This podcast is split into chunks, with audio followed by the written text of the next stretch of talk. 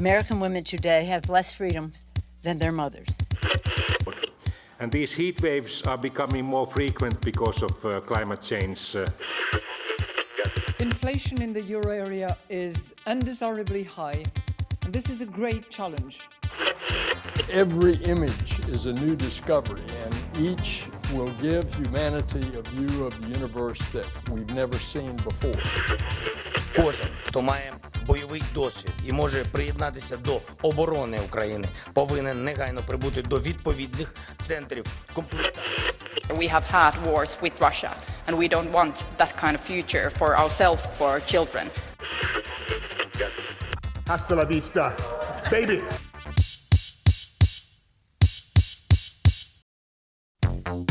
Þú ert að hlusta á heimskviður. Þáttinum það sem gerist ekki á Íslandi. Ég heiti Birta Björstóttir. Og ég heiti Bjarni Pétur Jónsson. Við ætlum að koma óvinni víða við í þættinum í dag. Áfangastæðinir eru Úkraina, Belgia, Kolumbia, Malawi og Tansania. Í síðar hluta þáttarins ætlum við til Hafnarborga í vestur-Európu sem eiga í fullu fangi með glæpa gengi sem ganga sífælt lengra í því að tryggja flutningarleiðir kókains til Európu. Í Antwerpen í Belgíu hefur lagt haldahátt í 100 tonn af kókain í ár. Svo mikið að kókain fjall hefur myndast á höfninni og yfirvöld hafi ekki undan við að farga því. Þá ætla þú byrtaði að fjalla um ofbeldi gegn fólki með albinisma sem er afar útbreytt í Afríku. Já, en við ætlum að byrja á þessu hér. Rússar eru sagðir hafa breytt kornökurum viða um Úkrænu í jarðsprengju agra. Talið er að svæði sem er jafn stórt og rúmlega 1,5 Ísland sé þakki þessum skadræði svopnum. Sérfræðingur segir að það er eftir að taka 20 ár að reynsa jarðveginn. Dagný Hulda Erlendsdóttir tekur nú við.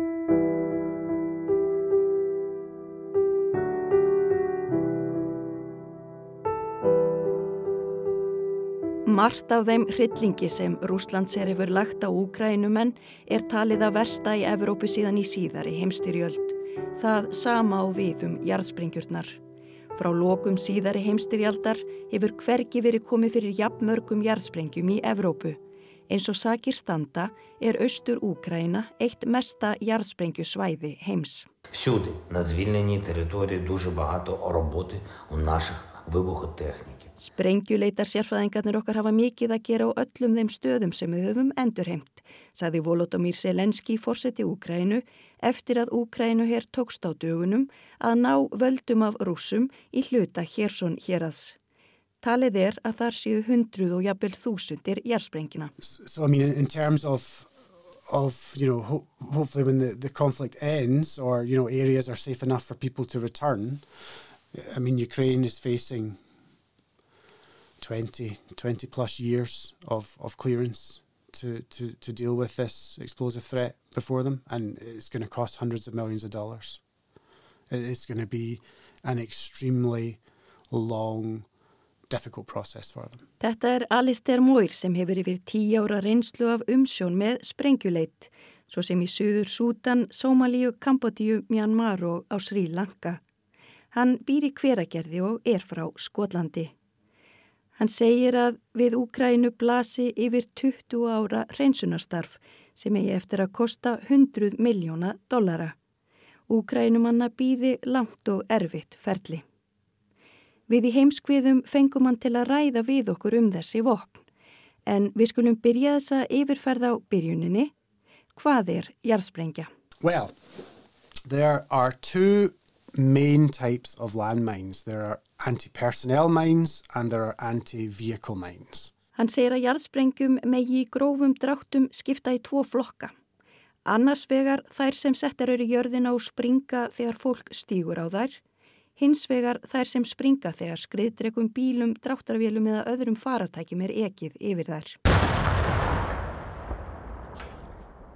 An anti-personnel mine is a small device. It's maybe around I was I was looking in the, the refrigerator this morning at something that was around the same shape and I think like you know a pot of skier you would have for your lunch it's maybe around the same size of that uh, and an anti-personnel mine is usually buried below the surface of the ground so you you cannot see it Jarðsprengjurnar sem springa þegar fólk stýgur á þær eru svipaðar að stærð og lítil skýrdós, segir Alister.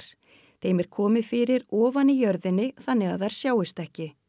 Þær voru upprunalega ekki gerðar til að drepa fólk, heldur til að særa hermenn svo það þyrta að flytja þá burt af vigvellinum. Now, the one thing to say about an anti-personnel mine is it's not designed to kill you. It's only designed to cause you enough damage that you have to be removed from the battlefield.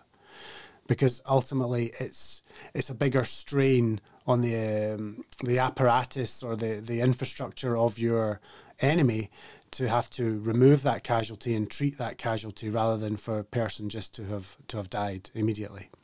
Það setur meira strík í reikningin hjá hér að þurfa fjarlæga særða hermenn en að þeir farist.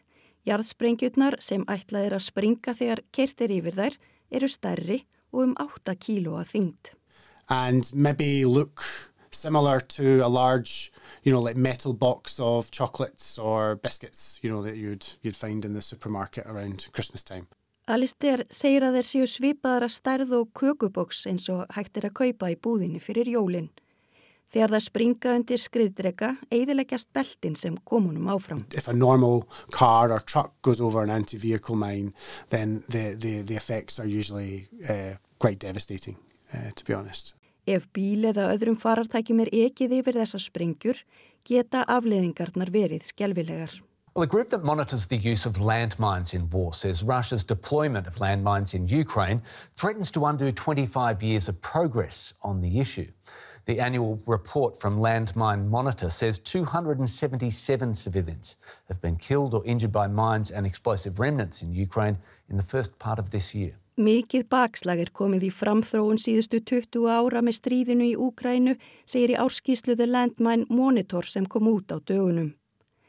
162 ríki eiga aðild að jarðsprengju samningnum sem er 25 ára gamall. Hann bannar hönnun, framleiðslu, nótkun og sölu á jarðsprengjum. Hann á viðum tegundina sem springur þegar fólk stýgur á sprengjurnar. Úkræna á aðildað samningnum en ekki Rúsland. Samkvæmt skýrslu mannettinda vaktarinnar hafa rússar beitt slíkum sprengjum í Úkrænu. Bæði ríkin hafa beittiri tegund sem springur þegar ekið er yfir þær og slíkt er leifilegt. Jarðsprengjur eru framleitar í Kína, Íran, Mjanmar, Norður Kóru, Rúslandi, Singapúr á Kúpu og Indlandi samkvæmt áskísluðu Landmann Monitor. Það þýðir þó ekki endilega því þessum ríkjum sem verða framlega þær akkurat núna heldur að þau áskilji sér rétt til að gera slíkt. The report says that the most likely countries to be producing landmines right now are India, Iran, Myanmar, Pakistan and Russia. Það eru Indland, Íran, Myanmar, Pakistan og Rúsland sem talið er líklegt að séu að framleiða vopni núna. MAG eða The Mines Advisory Group eru samtök með höfustöðar í Manchester á Englandi og sérhæfa sér leitað jarðsprengjum og fræðslu fyrir íbúa stríðsjáðra svæða. Katarína Templeton er verkefnastjóri yfir Úkrænu. Considering the landmines, it's uh, uh, very difficult now to say uh, the, exactly the numbers of the, uh, the contamination of the area in Ukraine, but so far we used um, 160,000 square kilometers of the area which is contaminated by the, landmines or unexploded ordnance.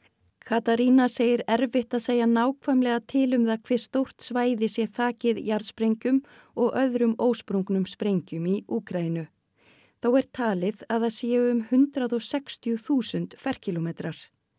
Til samanburðar þá er Ísland 103.000 ferkilometrar. Því er hægt að áætla að svæði sem rúsar hafa þakið sé stærra en 1,5 Ísland.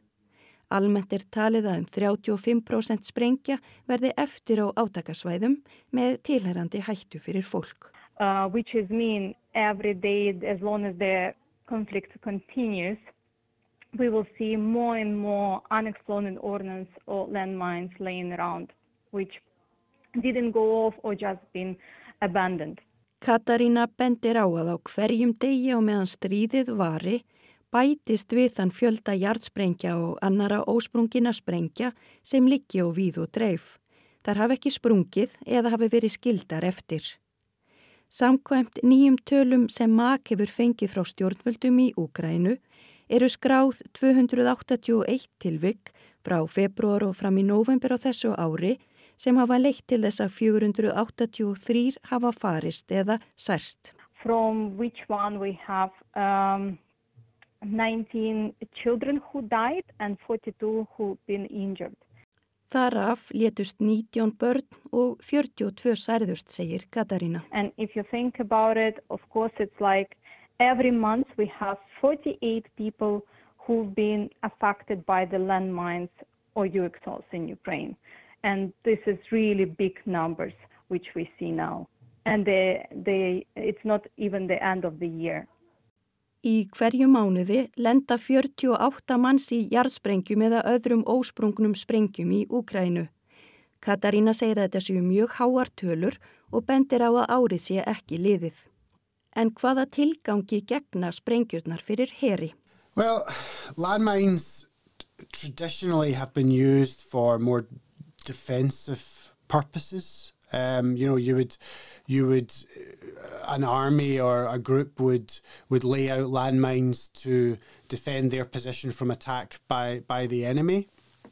Um, they can also be used to hinder the progress of an enemy. So you would lay them on roads or the sides of roads to slow down or stop an enemy advancing or to deny them access to a particular area or territory you didn't want them coming. Hefðbundi nótkun á hjartsprengjum er í varnarskinni, segir Alister. Þær eru settar nýður til að verjast árás óvinnarins og hindra framgangans, útskýrir hann.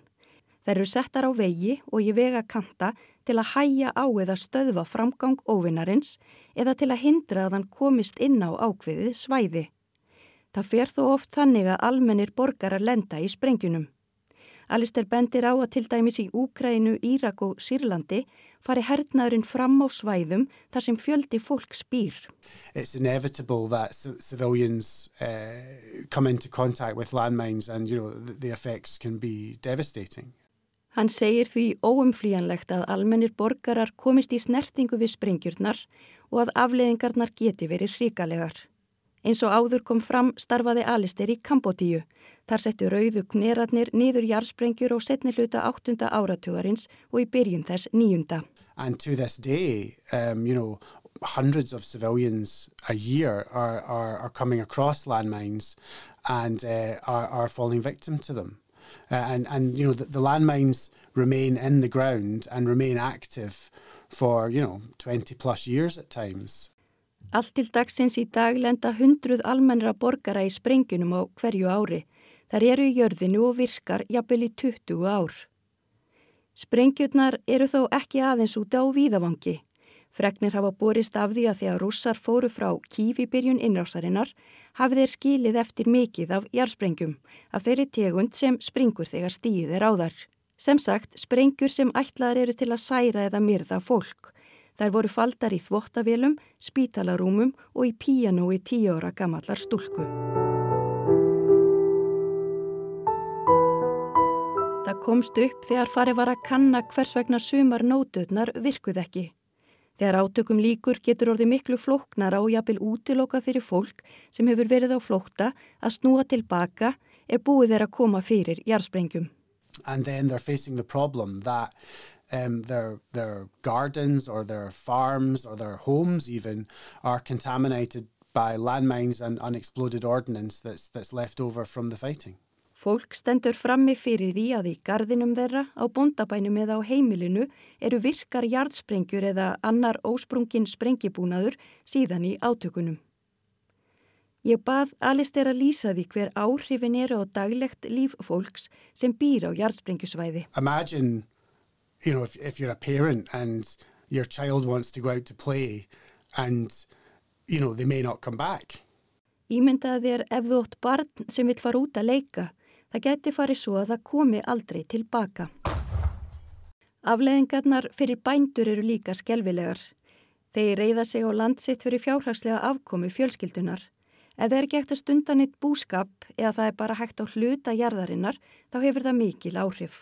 You know, you have to make hard choices about which children would go to school, you know, if there's fees involved. Fólk þarf að taka erfiðar ákvarðanir, til dæmis um það hvert barnana fái halda áfram í skóla ef kerfið er þannig að það þurfa að greiða skólagjöld. Alistair nefnir Kambodíu og Sri Lanka sem dæmu um lönd þar sem jarðsprengjur hafa verið í jörð löngu eftir að átökum hefur lokið. The cycle of poverty is, is, is harder to get out of because people can't maximize and utilize the land for themselves and also the government can't, can't really do as much as they want because the land's contaminated so it's harder to build schools or hospitals or, or roads or, or other you know critical infrastructure that, that you know ultimately progresses a society and an, and an economy Vegna jarðsprengjana verður erfiðar að losna úr fátækt. Fólk getur ekki nýtt land sitt til fullnustu og ríki getur ekki byrjað uppbyggingu. Þess vegna verður erfiðar að byggja skóla, spítala, vegi og aðra innviði og sömu leiðis að ebla framþróun og efnahægin.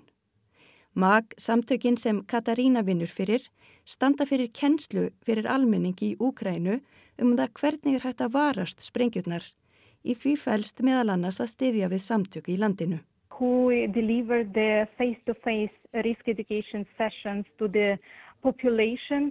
Uh, in affected areas and uh, gave them the overview of the uh, what they can find, what can be dangerous, and what they should do in case they find themselves uh, facing one of those items.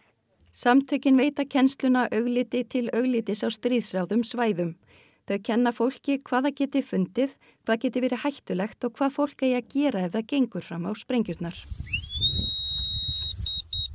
Í stríðsráðum ríkjum vinnur fjöldi fólks árum saman við að reynsa jarðsprengjurnar upp. Alistair segir að aðferðin hafi ekki breyst mikið síðan í setni heimstyrjöld. It's a person, uh, very systematically, methodically and carefully, usually with a, a metal detector, um, swinging in front of them, uh, trying to find signals, which they will then carefully excavate in order to determine if it is a landmine or something else like a coke can or you know or a piece of just a piece of metal or trash and then if the landmine is judged safe to move uh, they will do so and they will try and disarm it uh, and then they will destroy it elsewhere because that's it's a lot uh, more cost effective Sprengju leitararnir sveibla málmleitatæki á kerfispundun hátt og leitaða merkjum um sprengjur. Síðan grafa þeir varlega og úrskurða hvort það sem þeir fundu er jarðsprengja eða eitthvað annað eins og kókdós, malmstykki eða rustl. Ef talið er óhætt að flytja þær eftir að búið þær að gera þær óvirkar, er það gert. Svo þarf að meta hvort það sé hægt að eigða þeim annar staðar. Það þykir hákvæmara. Svo eru líka til sprengjur sem eru hannaðar til að bana sprengju leiturum. Enda þykja reyndir leitarar mikilvæg skotmörk fyrir óvinnin. So you've got to be very careful when you're examining a landmine um, to understand whether it can or cannot be moved and destroyed or whether you have to blow it up where it sits. Það þarf því að fara mjög varlega þegar það er verið að rannsaka jarðsprengju til að átta sig á því hvort það sé óhætt að flytja neða ekki eða hvort það sé óhætt að sprengja hana á staðnum.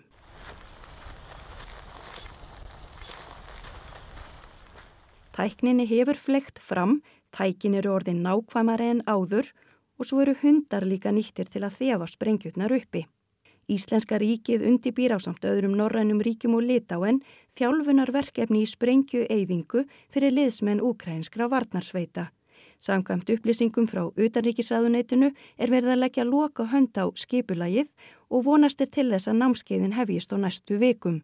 Liðsmenn sprengju eyðingarsveitar landhelgiskeslunar aðstóða við námskeiðin. En er þetta ekki alveg rosalega hættulegt starf að leita að jarðsprengjum? Alistair segir að ef öllum reglum er fyllt í kvívetna þá sé búið að minka hættuna eins og hætt er. Suma sprengjurnar hafa verið í jörðinni í 30 til 40 áriða lengur. Hann segir að jarðsprengju sé vissulega krefjandi starf og líkamlega erfitt Oft sé verið að leita í löndum þar sem mjög hlýtt er í veðri og fólk í miklum hlýðarfatnaði. Stundum verði fólk þreytt og gerir mistök. Það sé sorgleg staðrindum starfið. Allt sé gert til að minka hættu en hún sé þó til staðar. It's a demanding job. It's a very, it's quite a physical job as well. If you know, if imagine it's, it's getting done in a lot of countries where it's, it's very hot, and you know, you think of the person there with all the body armor on and the visor on. Um, you know, so sometimes people get tired and make mistakes. Um, it's a, a, sad reality of the work. Um, so you know we, we obviously do as much as we can to to mitigate against risk, but the risk is there.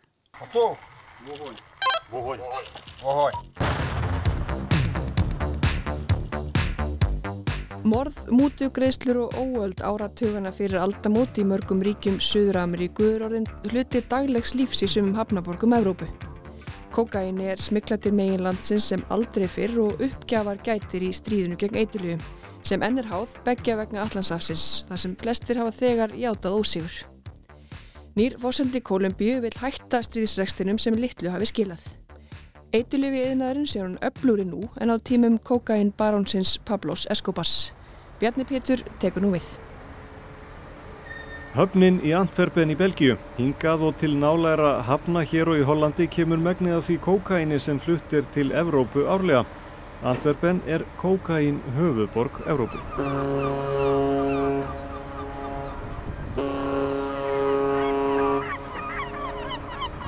Hún lætur ekki mikið yfir sér þessi hægláta hafnarborg skamt norður á Brussel, en hér er einn stærsta höfn Evrópu og heimsins, en 12 miljón gámar fara um höfnina árlega.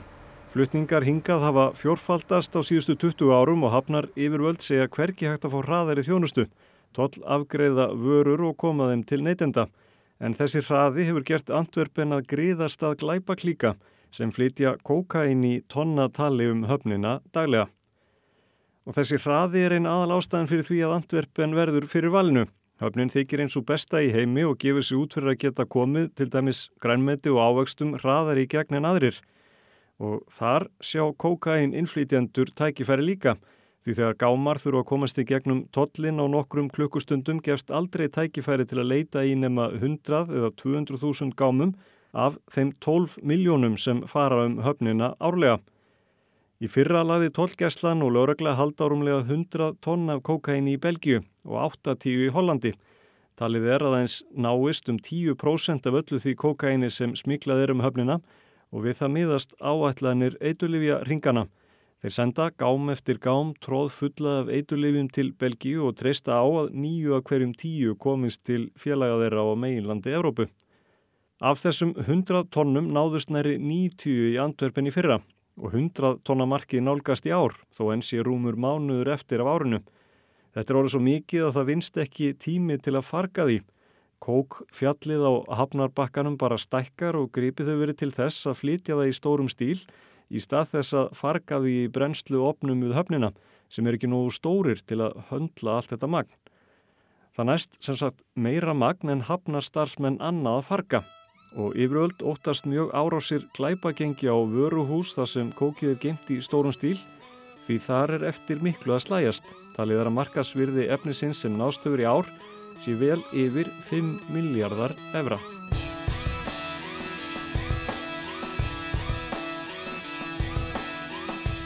Glæpa klíkur og áhrif þeirra verða sífælt sínilegri í Antwerpen og fleiri hafnaborgum í vestur Európu. Margar þeirra rætur í austurhluta álfunar og á Balkanskaga og beita sífælt meiri hörku sem Evrópubúar verða í auknum mæli varir við. Yfirvöldi Belgíu hafa líkt átökunum við leik Katarinnar að músinni og gangast við hlutverki músarinnar því glæpa gengin verðast alltaf skrefi á undan. Háar mútugreðslur týðkast bæði til öröglu en einnig hafnastarsmanna sem hafa fengið fúlgur fjár fyrir að færa til gáma á hafnasvæðinu til að komast hjá ítalegri tólskuðun. Þá var borgarstjóri Antwerpen parti viðver undir sólarhings eftirliti lauruglu í nokkrar viku nýlega vegna lífláts hótana frá eitulvega gengum. Það er eiga þjórið bísna margt sameinlegt hafnar borgirnar í vestur Evrópu og suður-amerískar borgir sem voru lengi umsettnar eitulvega barónum sem stýrðu því sem þeir vildu stýra. Evrópusambandi kennir þessu meðal annars um ofbeldis öldu víða í álfunni En hvað skýrir þetta ástand? Hvers vegna er eftirspurning svona mikil í Európu og hvað er til ráða?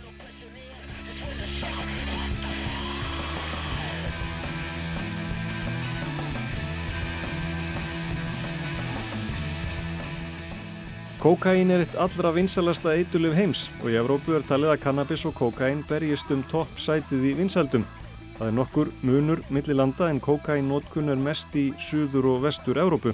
Talið er að 14 miljónir Európubúa á aldrinum 15 til 64 ára hafi prófað kokain og það er næri 5% allra íbúa álfunar á þessu aldurspili. Verðið á kókaini er herra í Evrópunni bandaríkjunum og frambóðu stöðugt og þó að totla yfirvöld og laurugla hafi lagt halda á metmagn kókains á hverju ári síðustu fimm ár hefur það ekki hreift við verðinu sem bendir til þess að þráttur að það takist að leggja halda á 10 tonna í einu hefur það engin áhrif á frambóð. Kokainistla virðist vera aukast mikið í Evrópu. Það er aðalega flutt þanga beint frá Suður Ameríku ímist með flugi eða flutningaskipum. Lang mest næst í höfnum í Belgíu og Hollandi og síðan á Spáni. Magnið sem náðist í þessum þremur löndum árið 2020 var 73% af því sem lauruglega totla yfirvöldum tókst að ná í allri álfunni þetta ár. Þá náði kokaini tæpum 215 tonnum og það var að minnstakosti 240 í fyrra. Talið er að þessi komi vel yfir 250 tonn í ár. Mest af því er framleitt í Kolumbíu og Peru þar sem kokain ekrur hafa stækkað um 43% síðan 2020.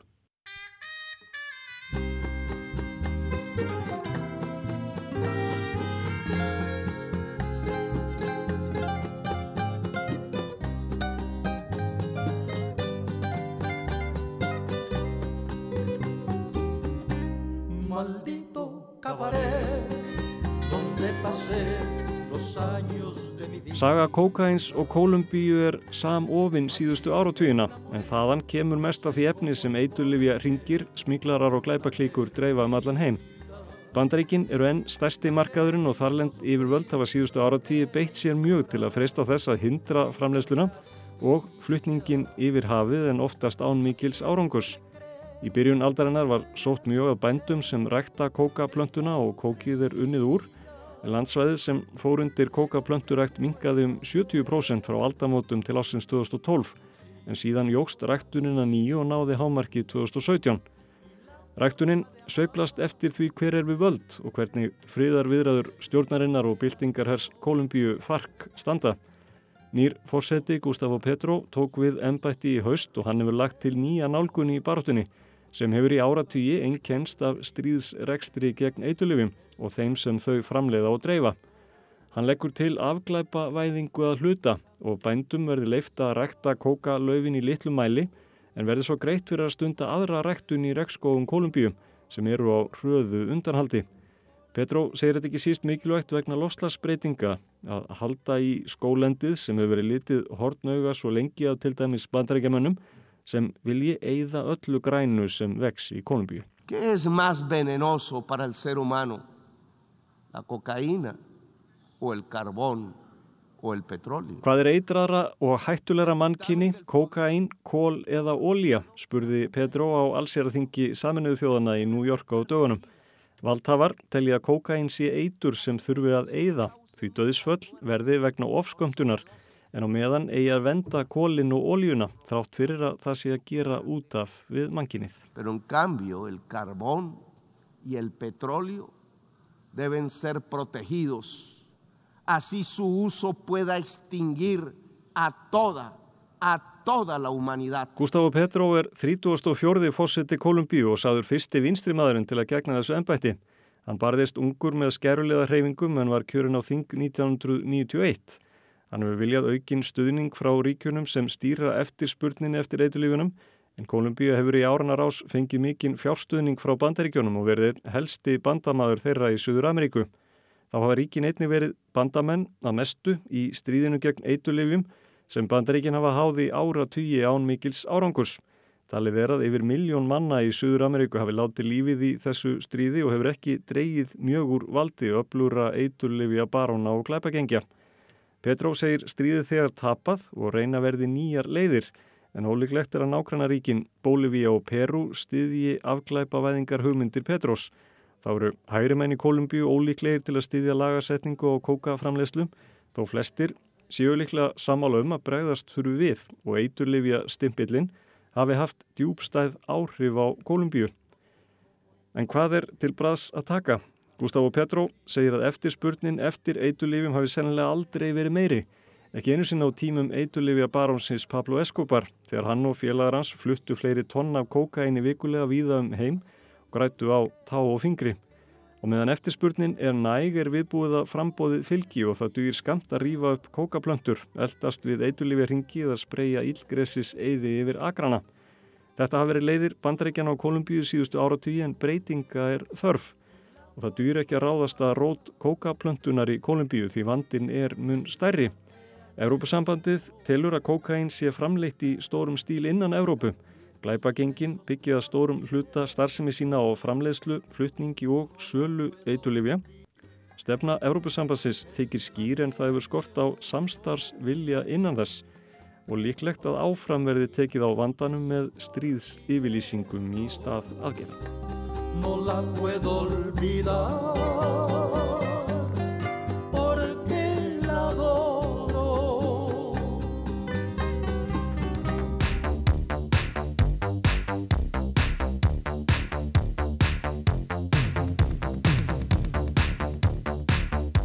Albínismi er algengar í Afríku en víða annar staðar en fólk með þetta gena frávik er mjög útsett fyrir ofbeldi og áreitni víða í álfunni. Því er enn trúað að bein þeirra hafi lækningamátt og færi lukku. Byrta skoðaði málið.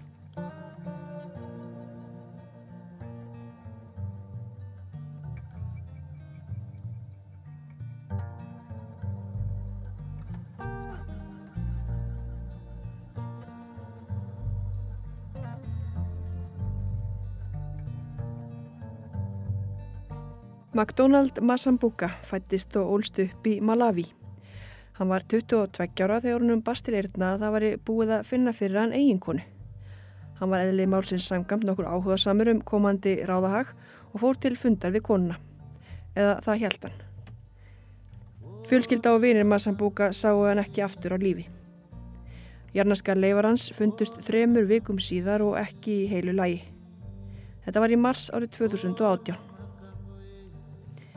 Fyrir á þessu ári fjall dómur yfir mönnunum sem báru ábyrð á örlögum eins unga Masambuka. Þeirra á meðal var bróðir hans sem tók þátti í blekkingunum.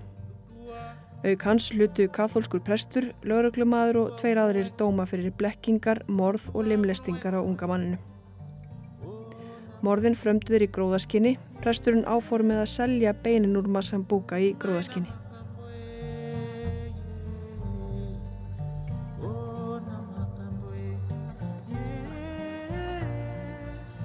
Mannabein teljast blessunlega ekki víða ábúta sem verslunavara. En í þessu tilfelli, sem er ekki einstæmi, voru presturinn og vitórsmenn hans von góður um að koma beinum Masambuka í verð vegna þess að hann var albinói. Albinismi drefur napsitt af latneska orðinu albus sem merkir kvítur. Litagen mannslíkamanns stuðlaði myndun litarefnisins melanins í húð, hári og augum. Albinismi stafar af gölluðu litageni, segir á vísandefi Háskóla Íslands og erfist. Fólk með þetta gena frávik myndar því lítið eða ekkert litarefni í húð, hári eða augum og hefur verið kallað albinóar. Það er til ólíkar tegundir og stig albinisma og munurinn aðalega fólkin í því hvort hann hefur áhrif á húð, hár og eða augu. Albinismi fyrir finnst víðar í dýraríkinu en meðal okkar mannfólks en fólk með albinisma er sennilega hvergi jafnmikilli hættu og víða í Afríku. Dauðarefsing eru viðlöfi albinisma á svæðum í kringum Sahara. Annar staðar eru albinóar áleitnir ímist göldróttir eða hættulegir. Nú eða þá að þeir eða líkamspartar þeirra á borðu bein búi yfir lækningamætti, færi hamingi og heilsu. Það hefur verið svo mýta sem kvatti katholska prestin og félaga hans til voðaverksins í Malawi.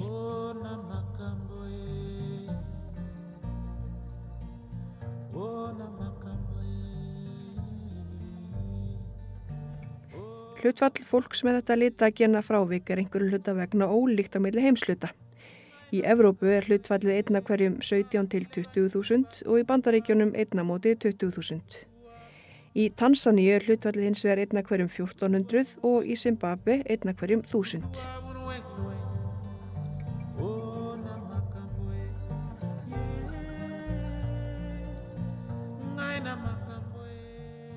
Masambuka var eitt þeirra 40 einstaklinga með albinisma sem hafa verið myrtir frá árnu 2014 í Malawi. 145 til viðbútar hafa orðið fyrir árásum og ofbeldi vegna föðleika síns á þessum 8 árum í landinu. Samkvæmt upplýsingum frá saminuðu þjóðunum voru hið minsta 75 úr þeirra röðum myrtir í Tansaníu á árunnu 2000 til 2016.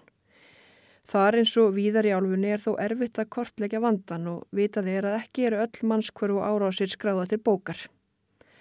Önnur rannsóknar nefnd á vegum mannréttindaráðs saminuð þjóðana segir að skráð tilfelli séu um 800 í 28 af Afrikulöndum. En fyrirvarin er sem fyrir segir skortur á skráningum og tilkynningum um öll tilvik. Sérstaklega þegar ofbeldi er beitt og morð framinn innan fjölskyldna.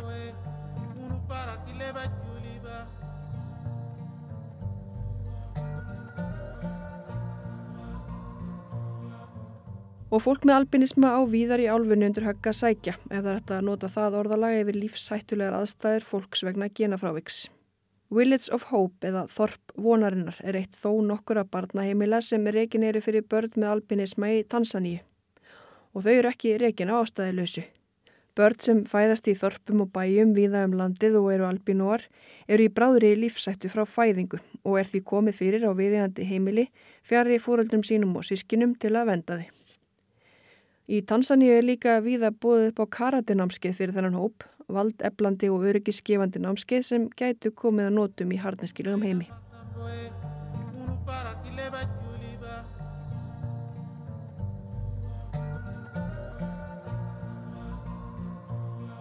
Frettastofa Aldja Sýra hefur fjalla talsvertum veruleika fólks með albinisma og sagt sögur þeirra.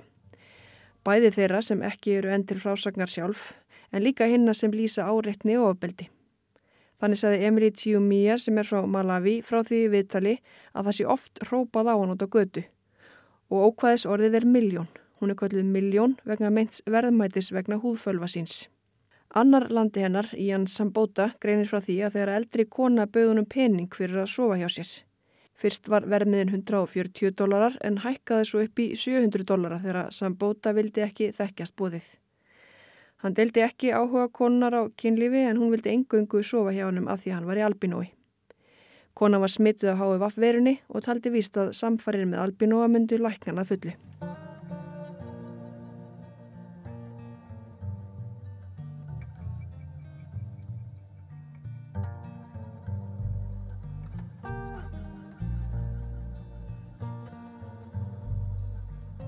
Saminuðu þjóðunar hafa vaktað útbreytt ofbeldi gegn fólki með albinisma í Afríku nokkuð markvist árið 2014 var þeim festur dagur á dagatælinu.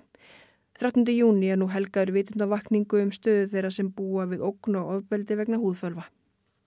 En Fletcher fjölskyldinu í Malawi er líklega nokk sama um einhverja daga á dagatælinu.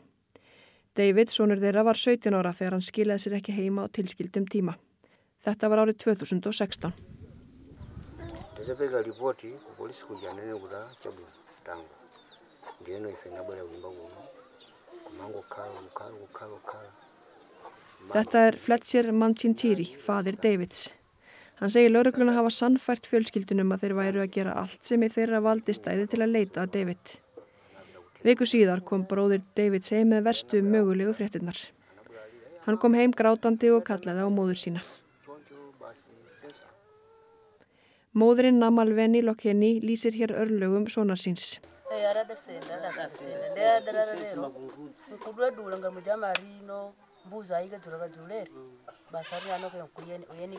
Þegar lík hans fannst hafði það verið limlest eins og geiti í sláturhúsi.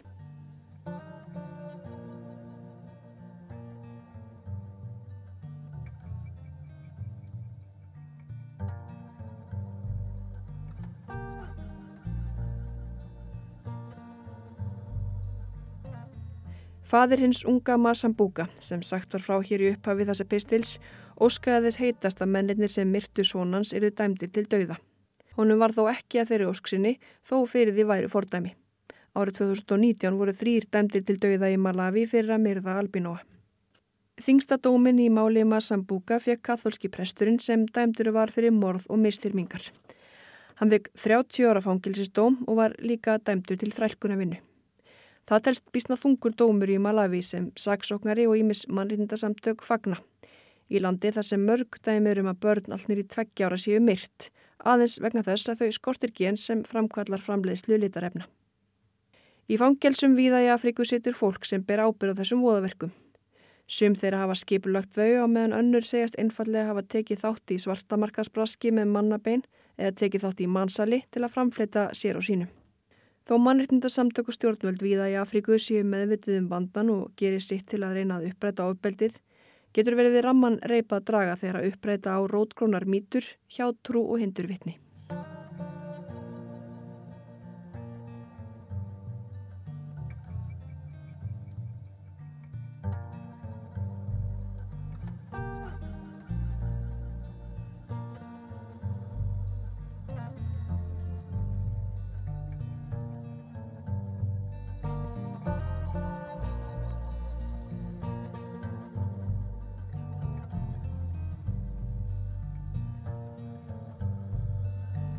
Þetta verða loka orðin í heimskviðum þessa vikuna.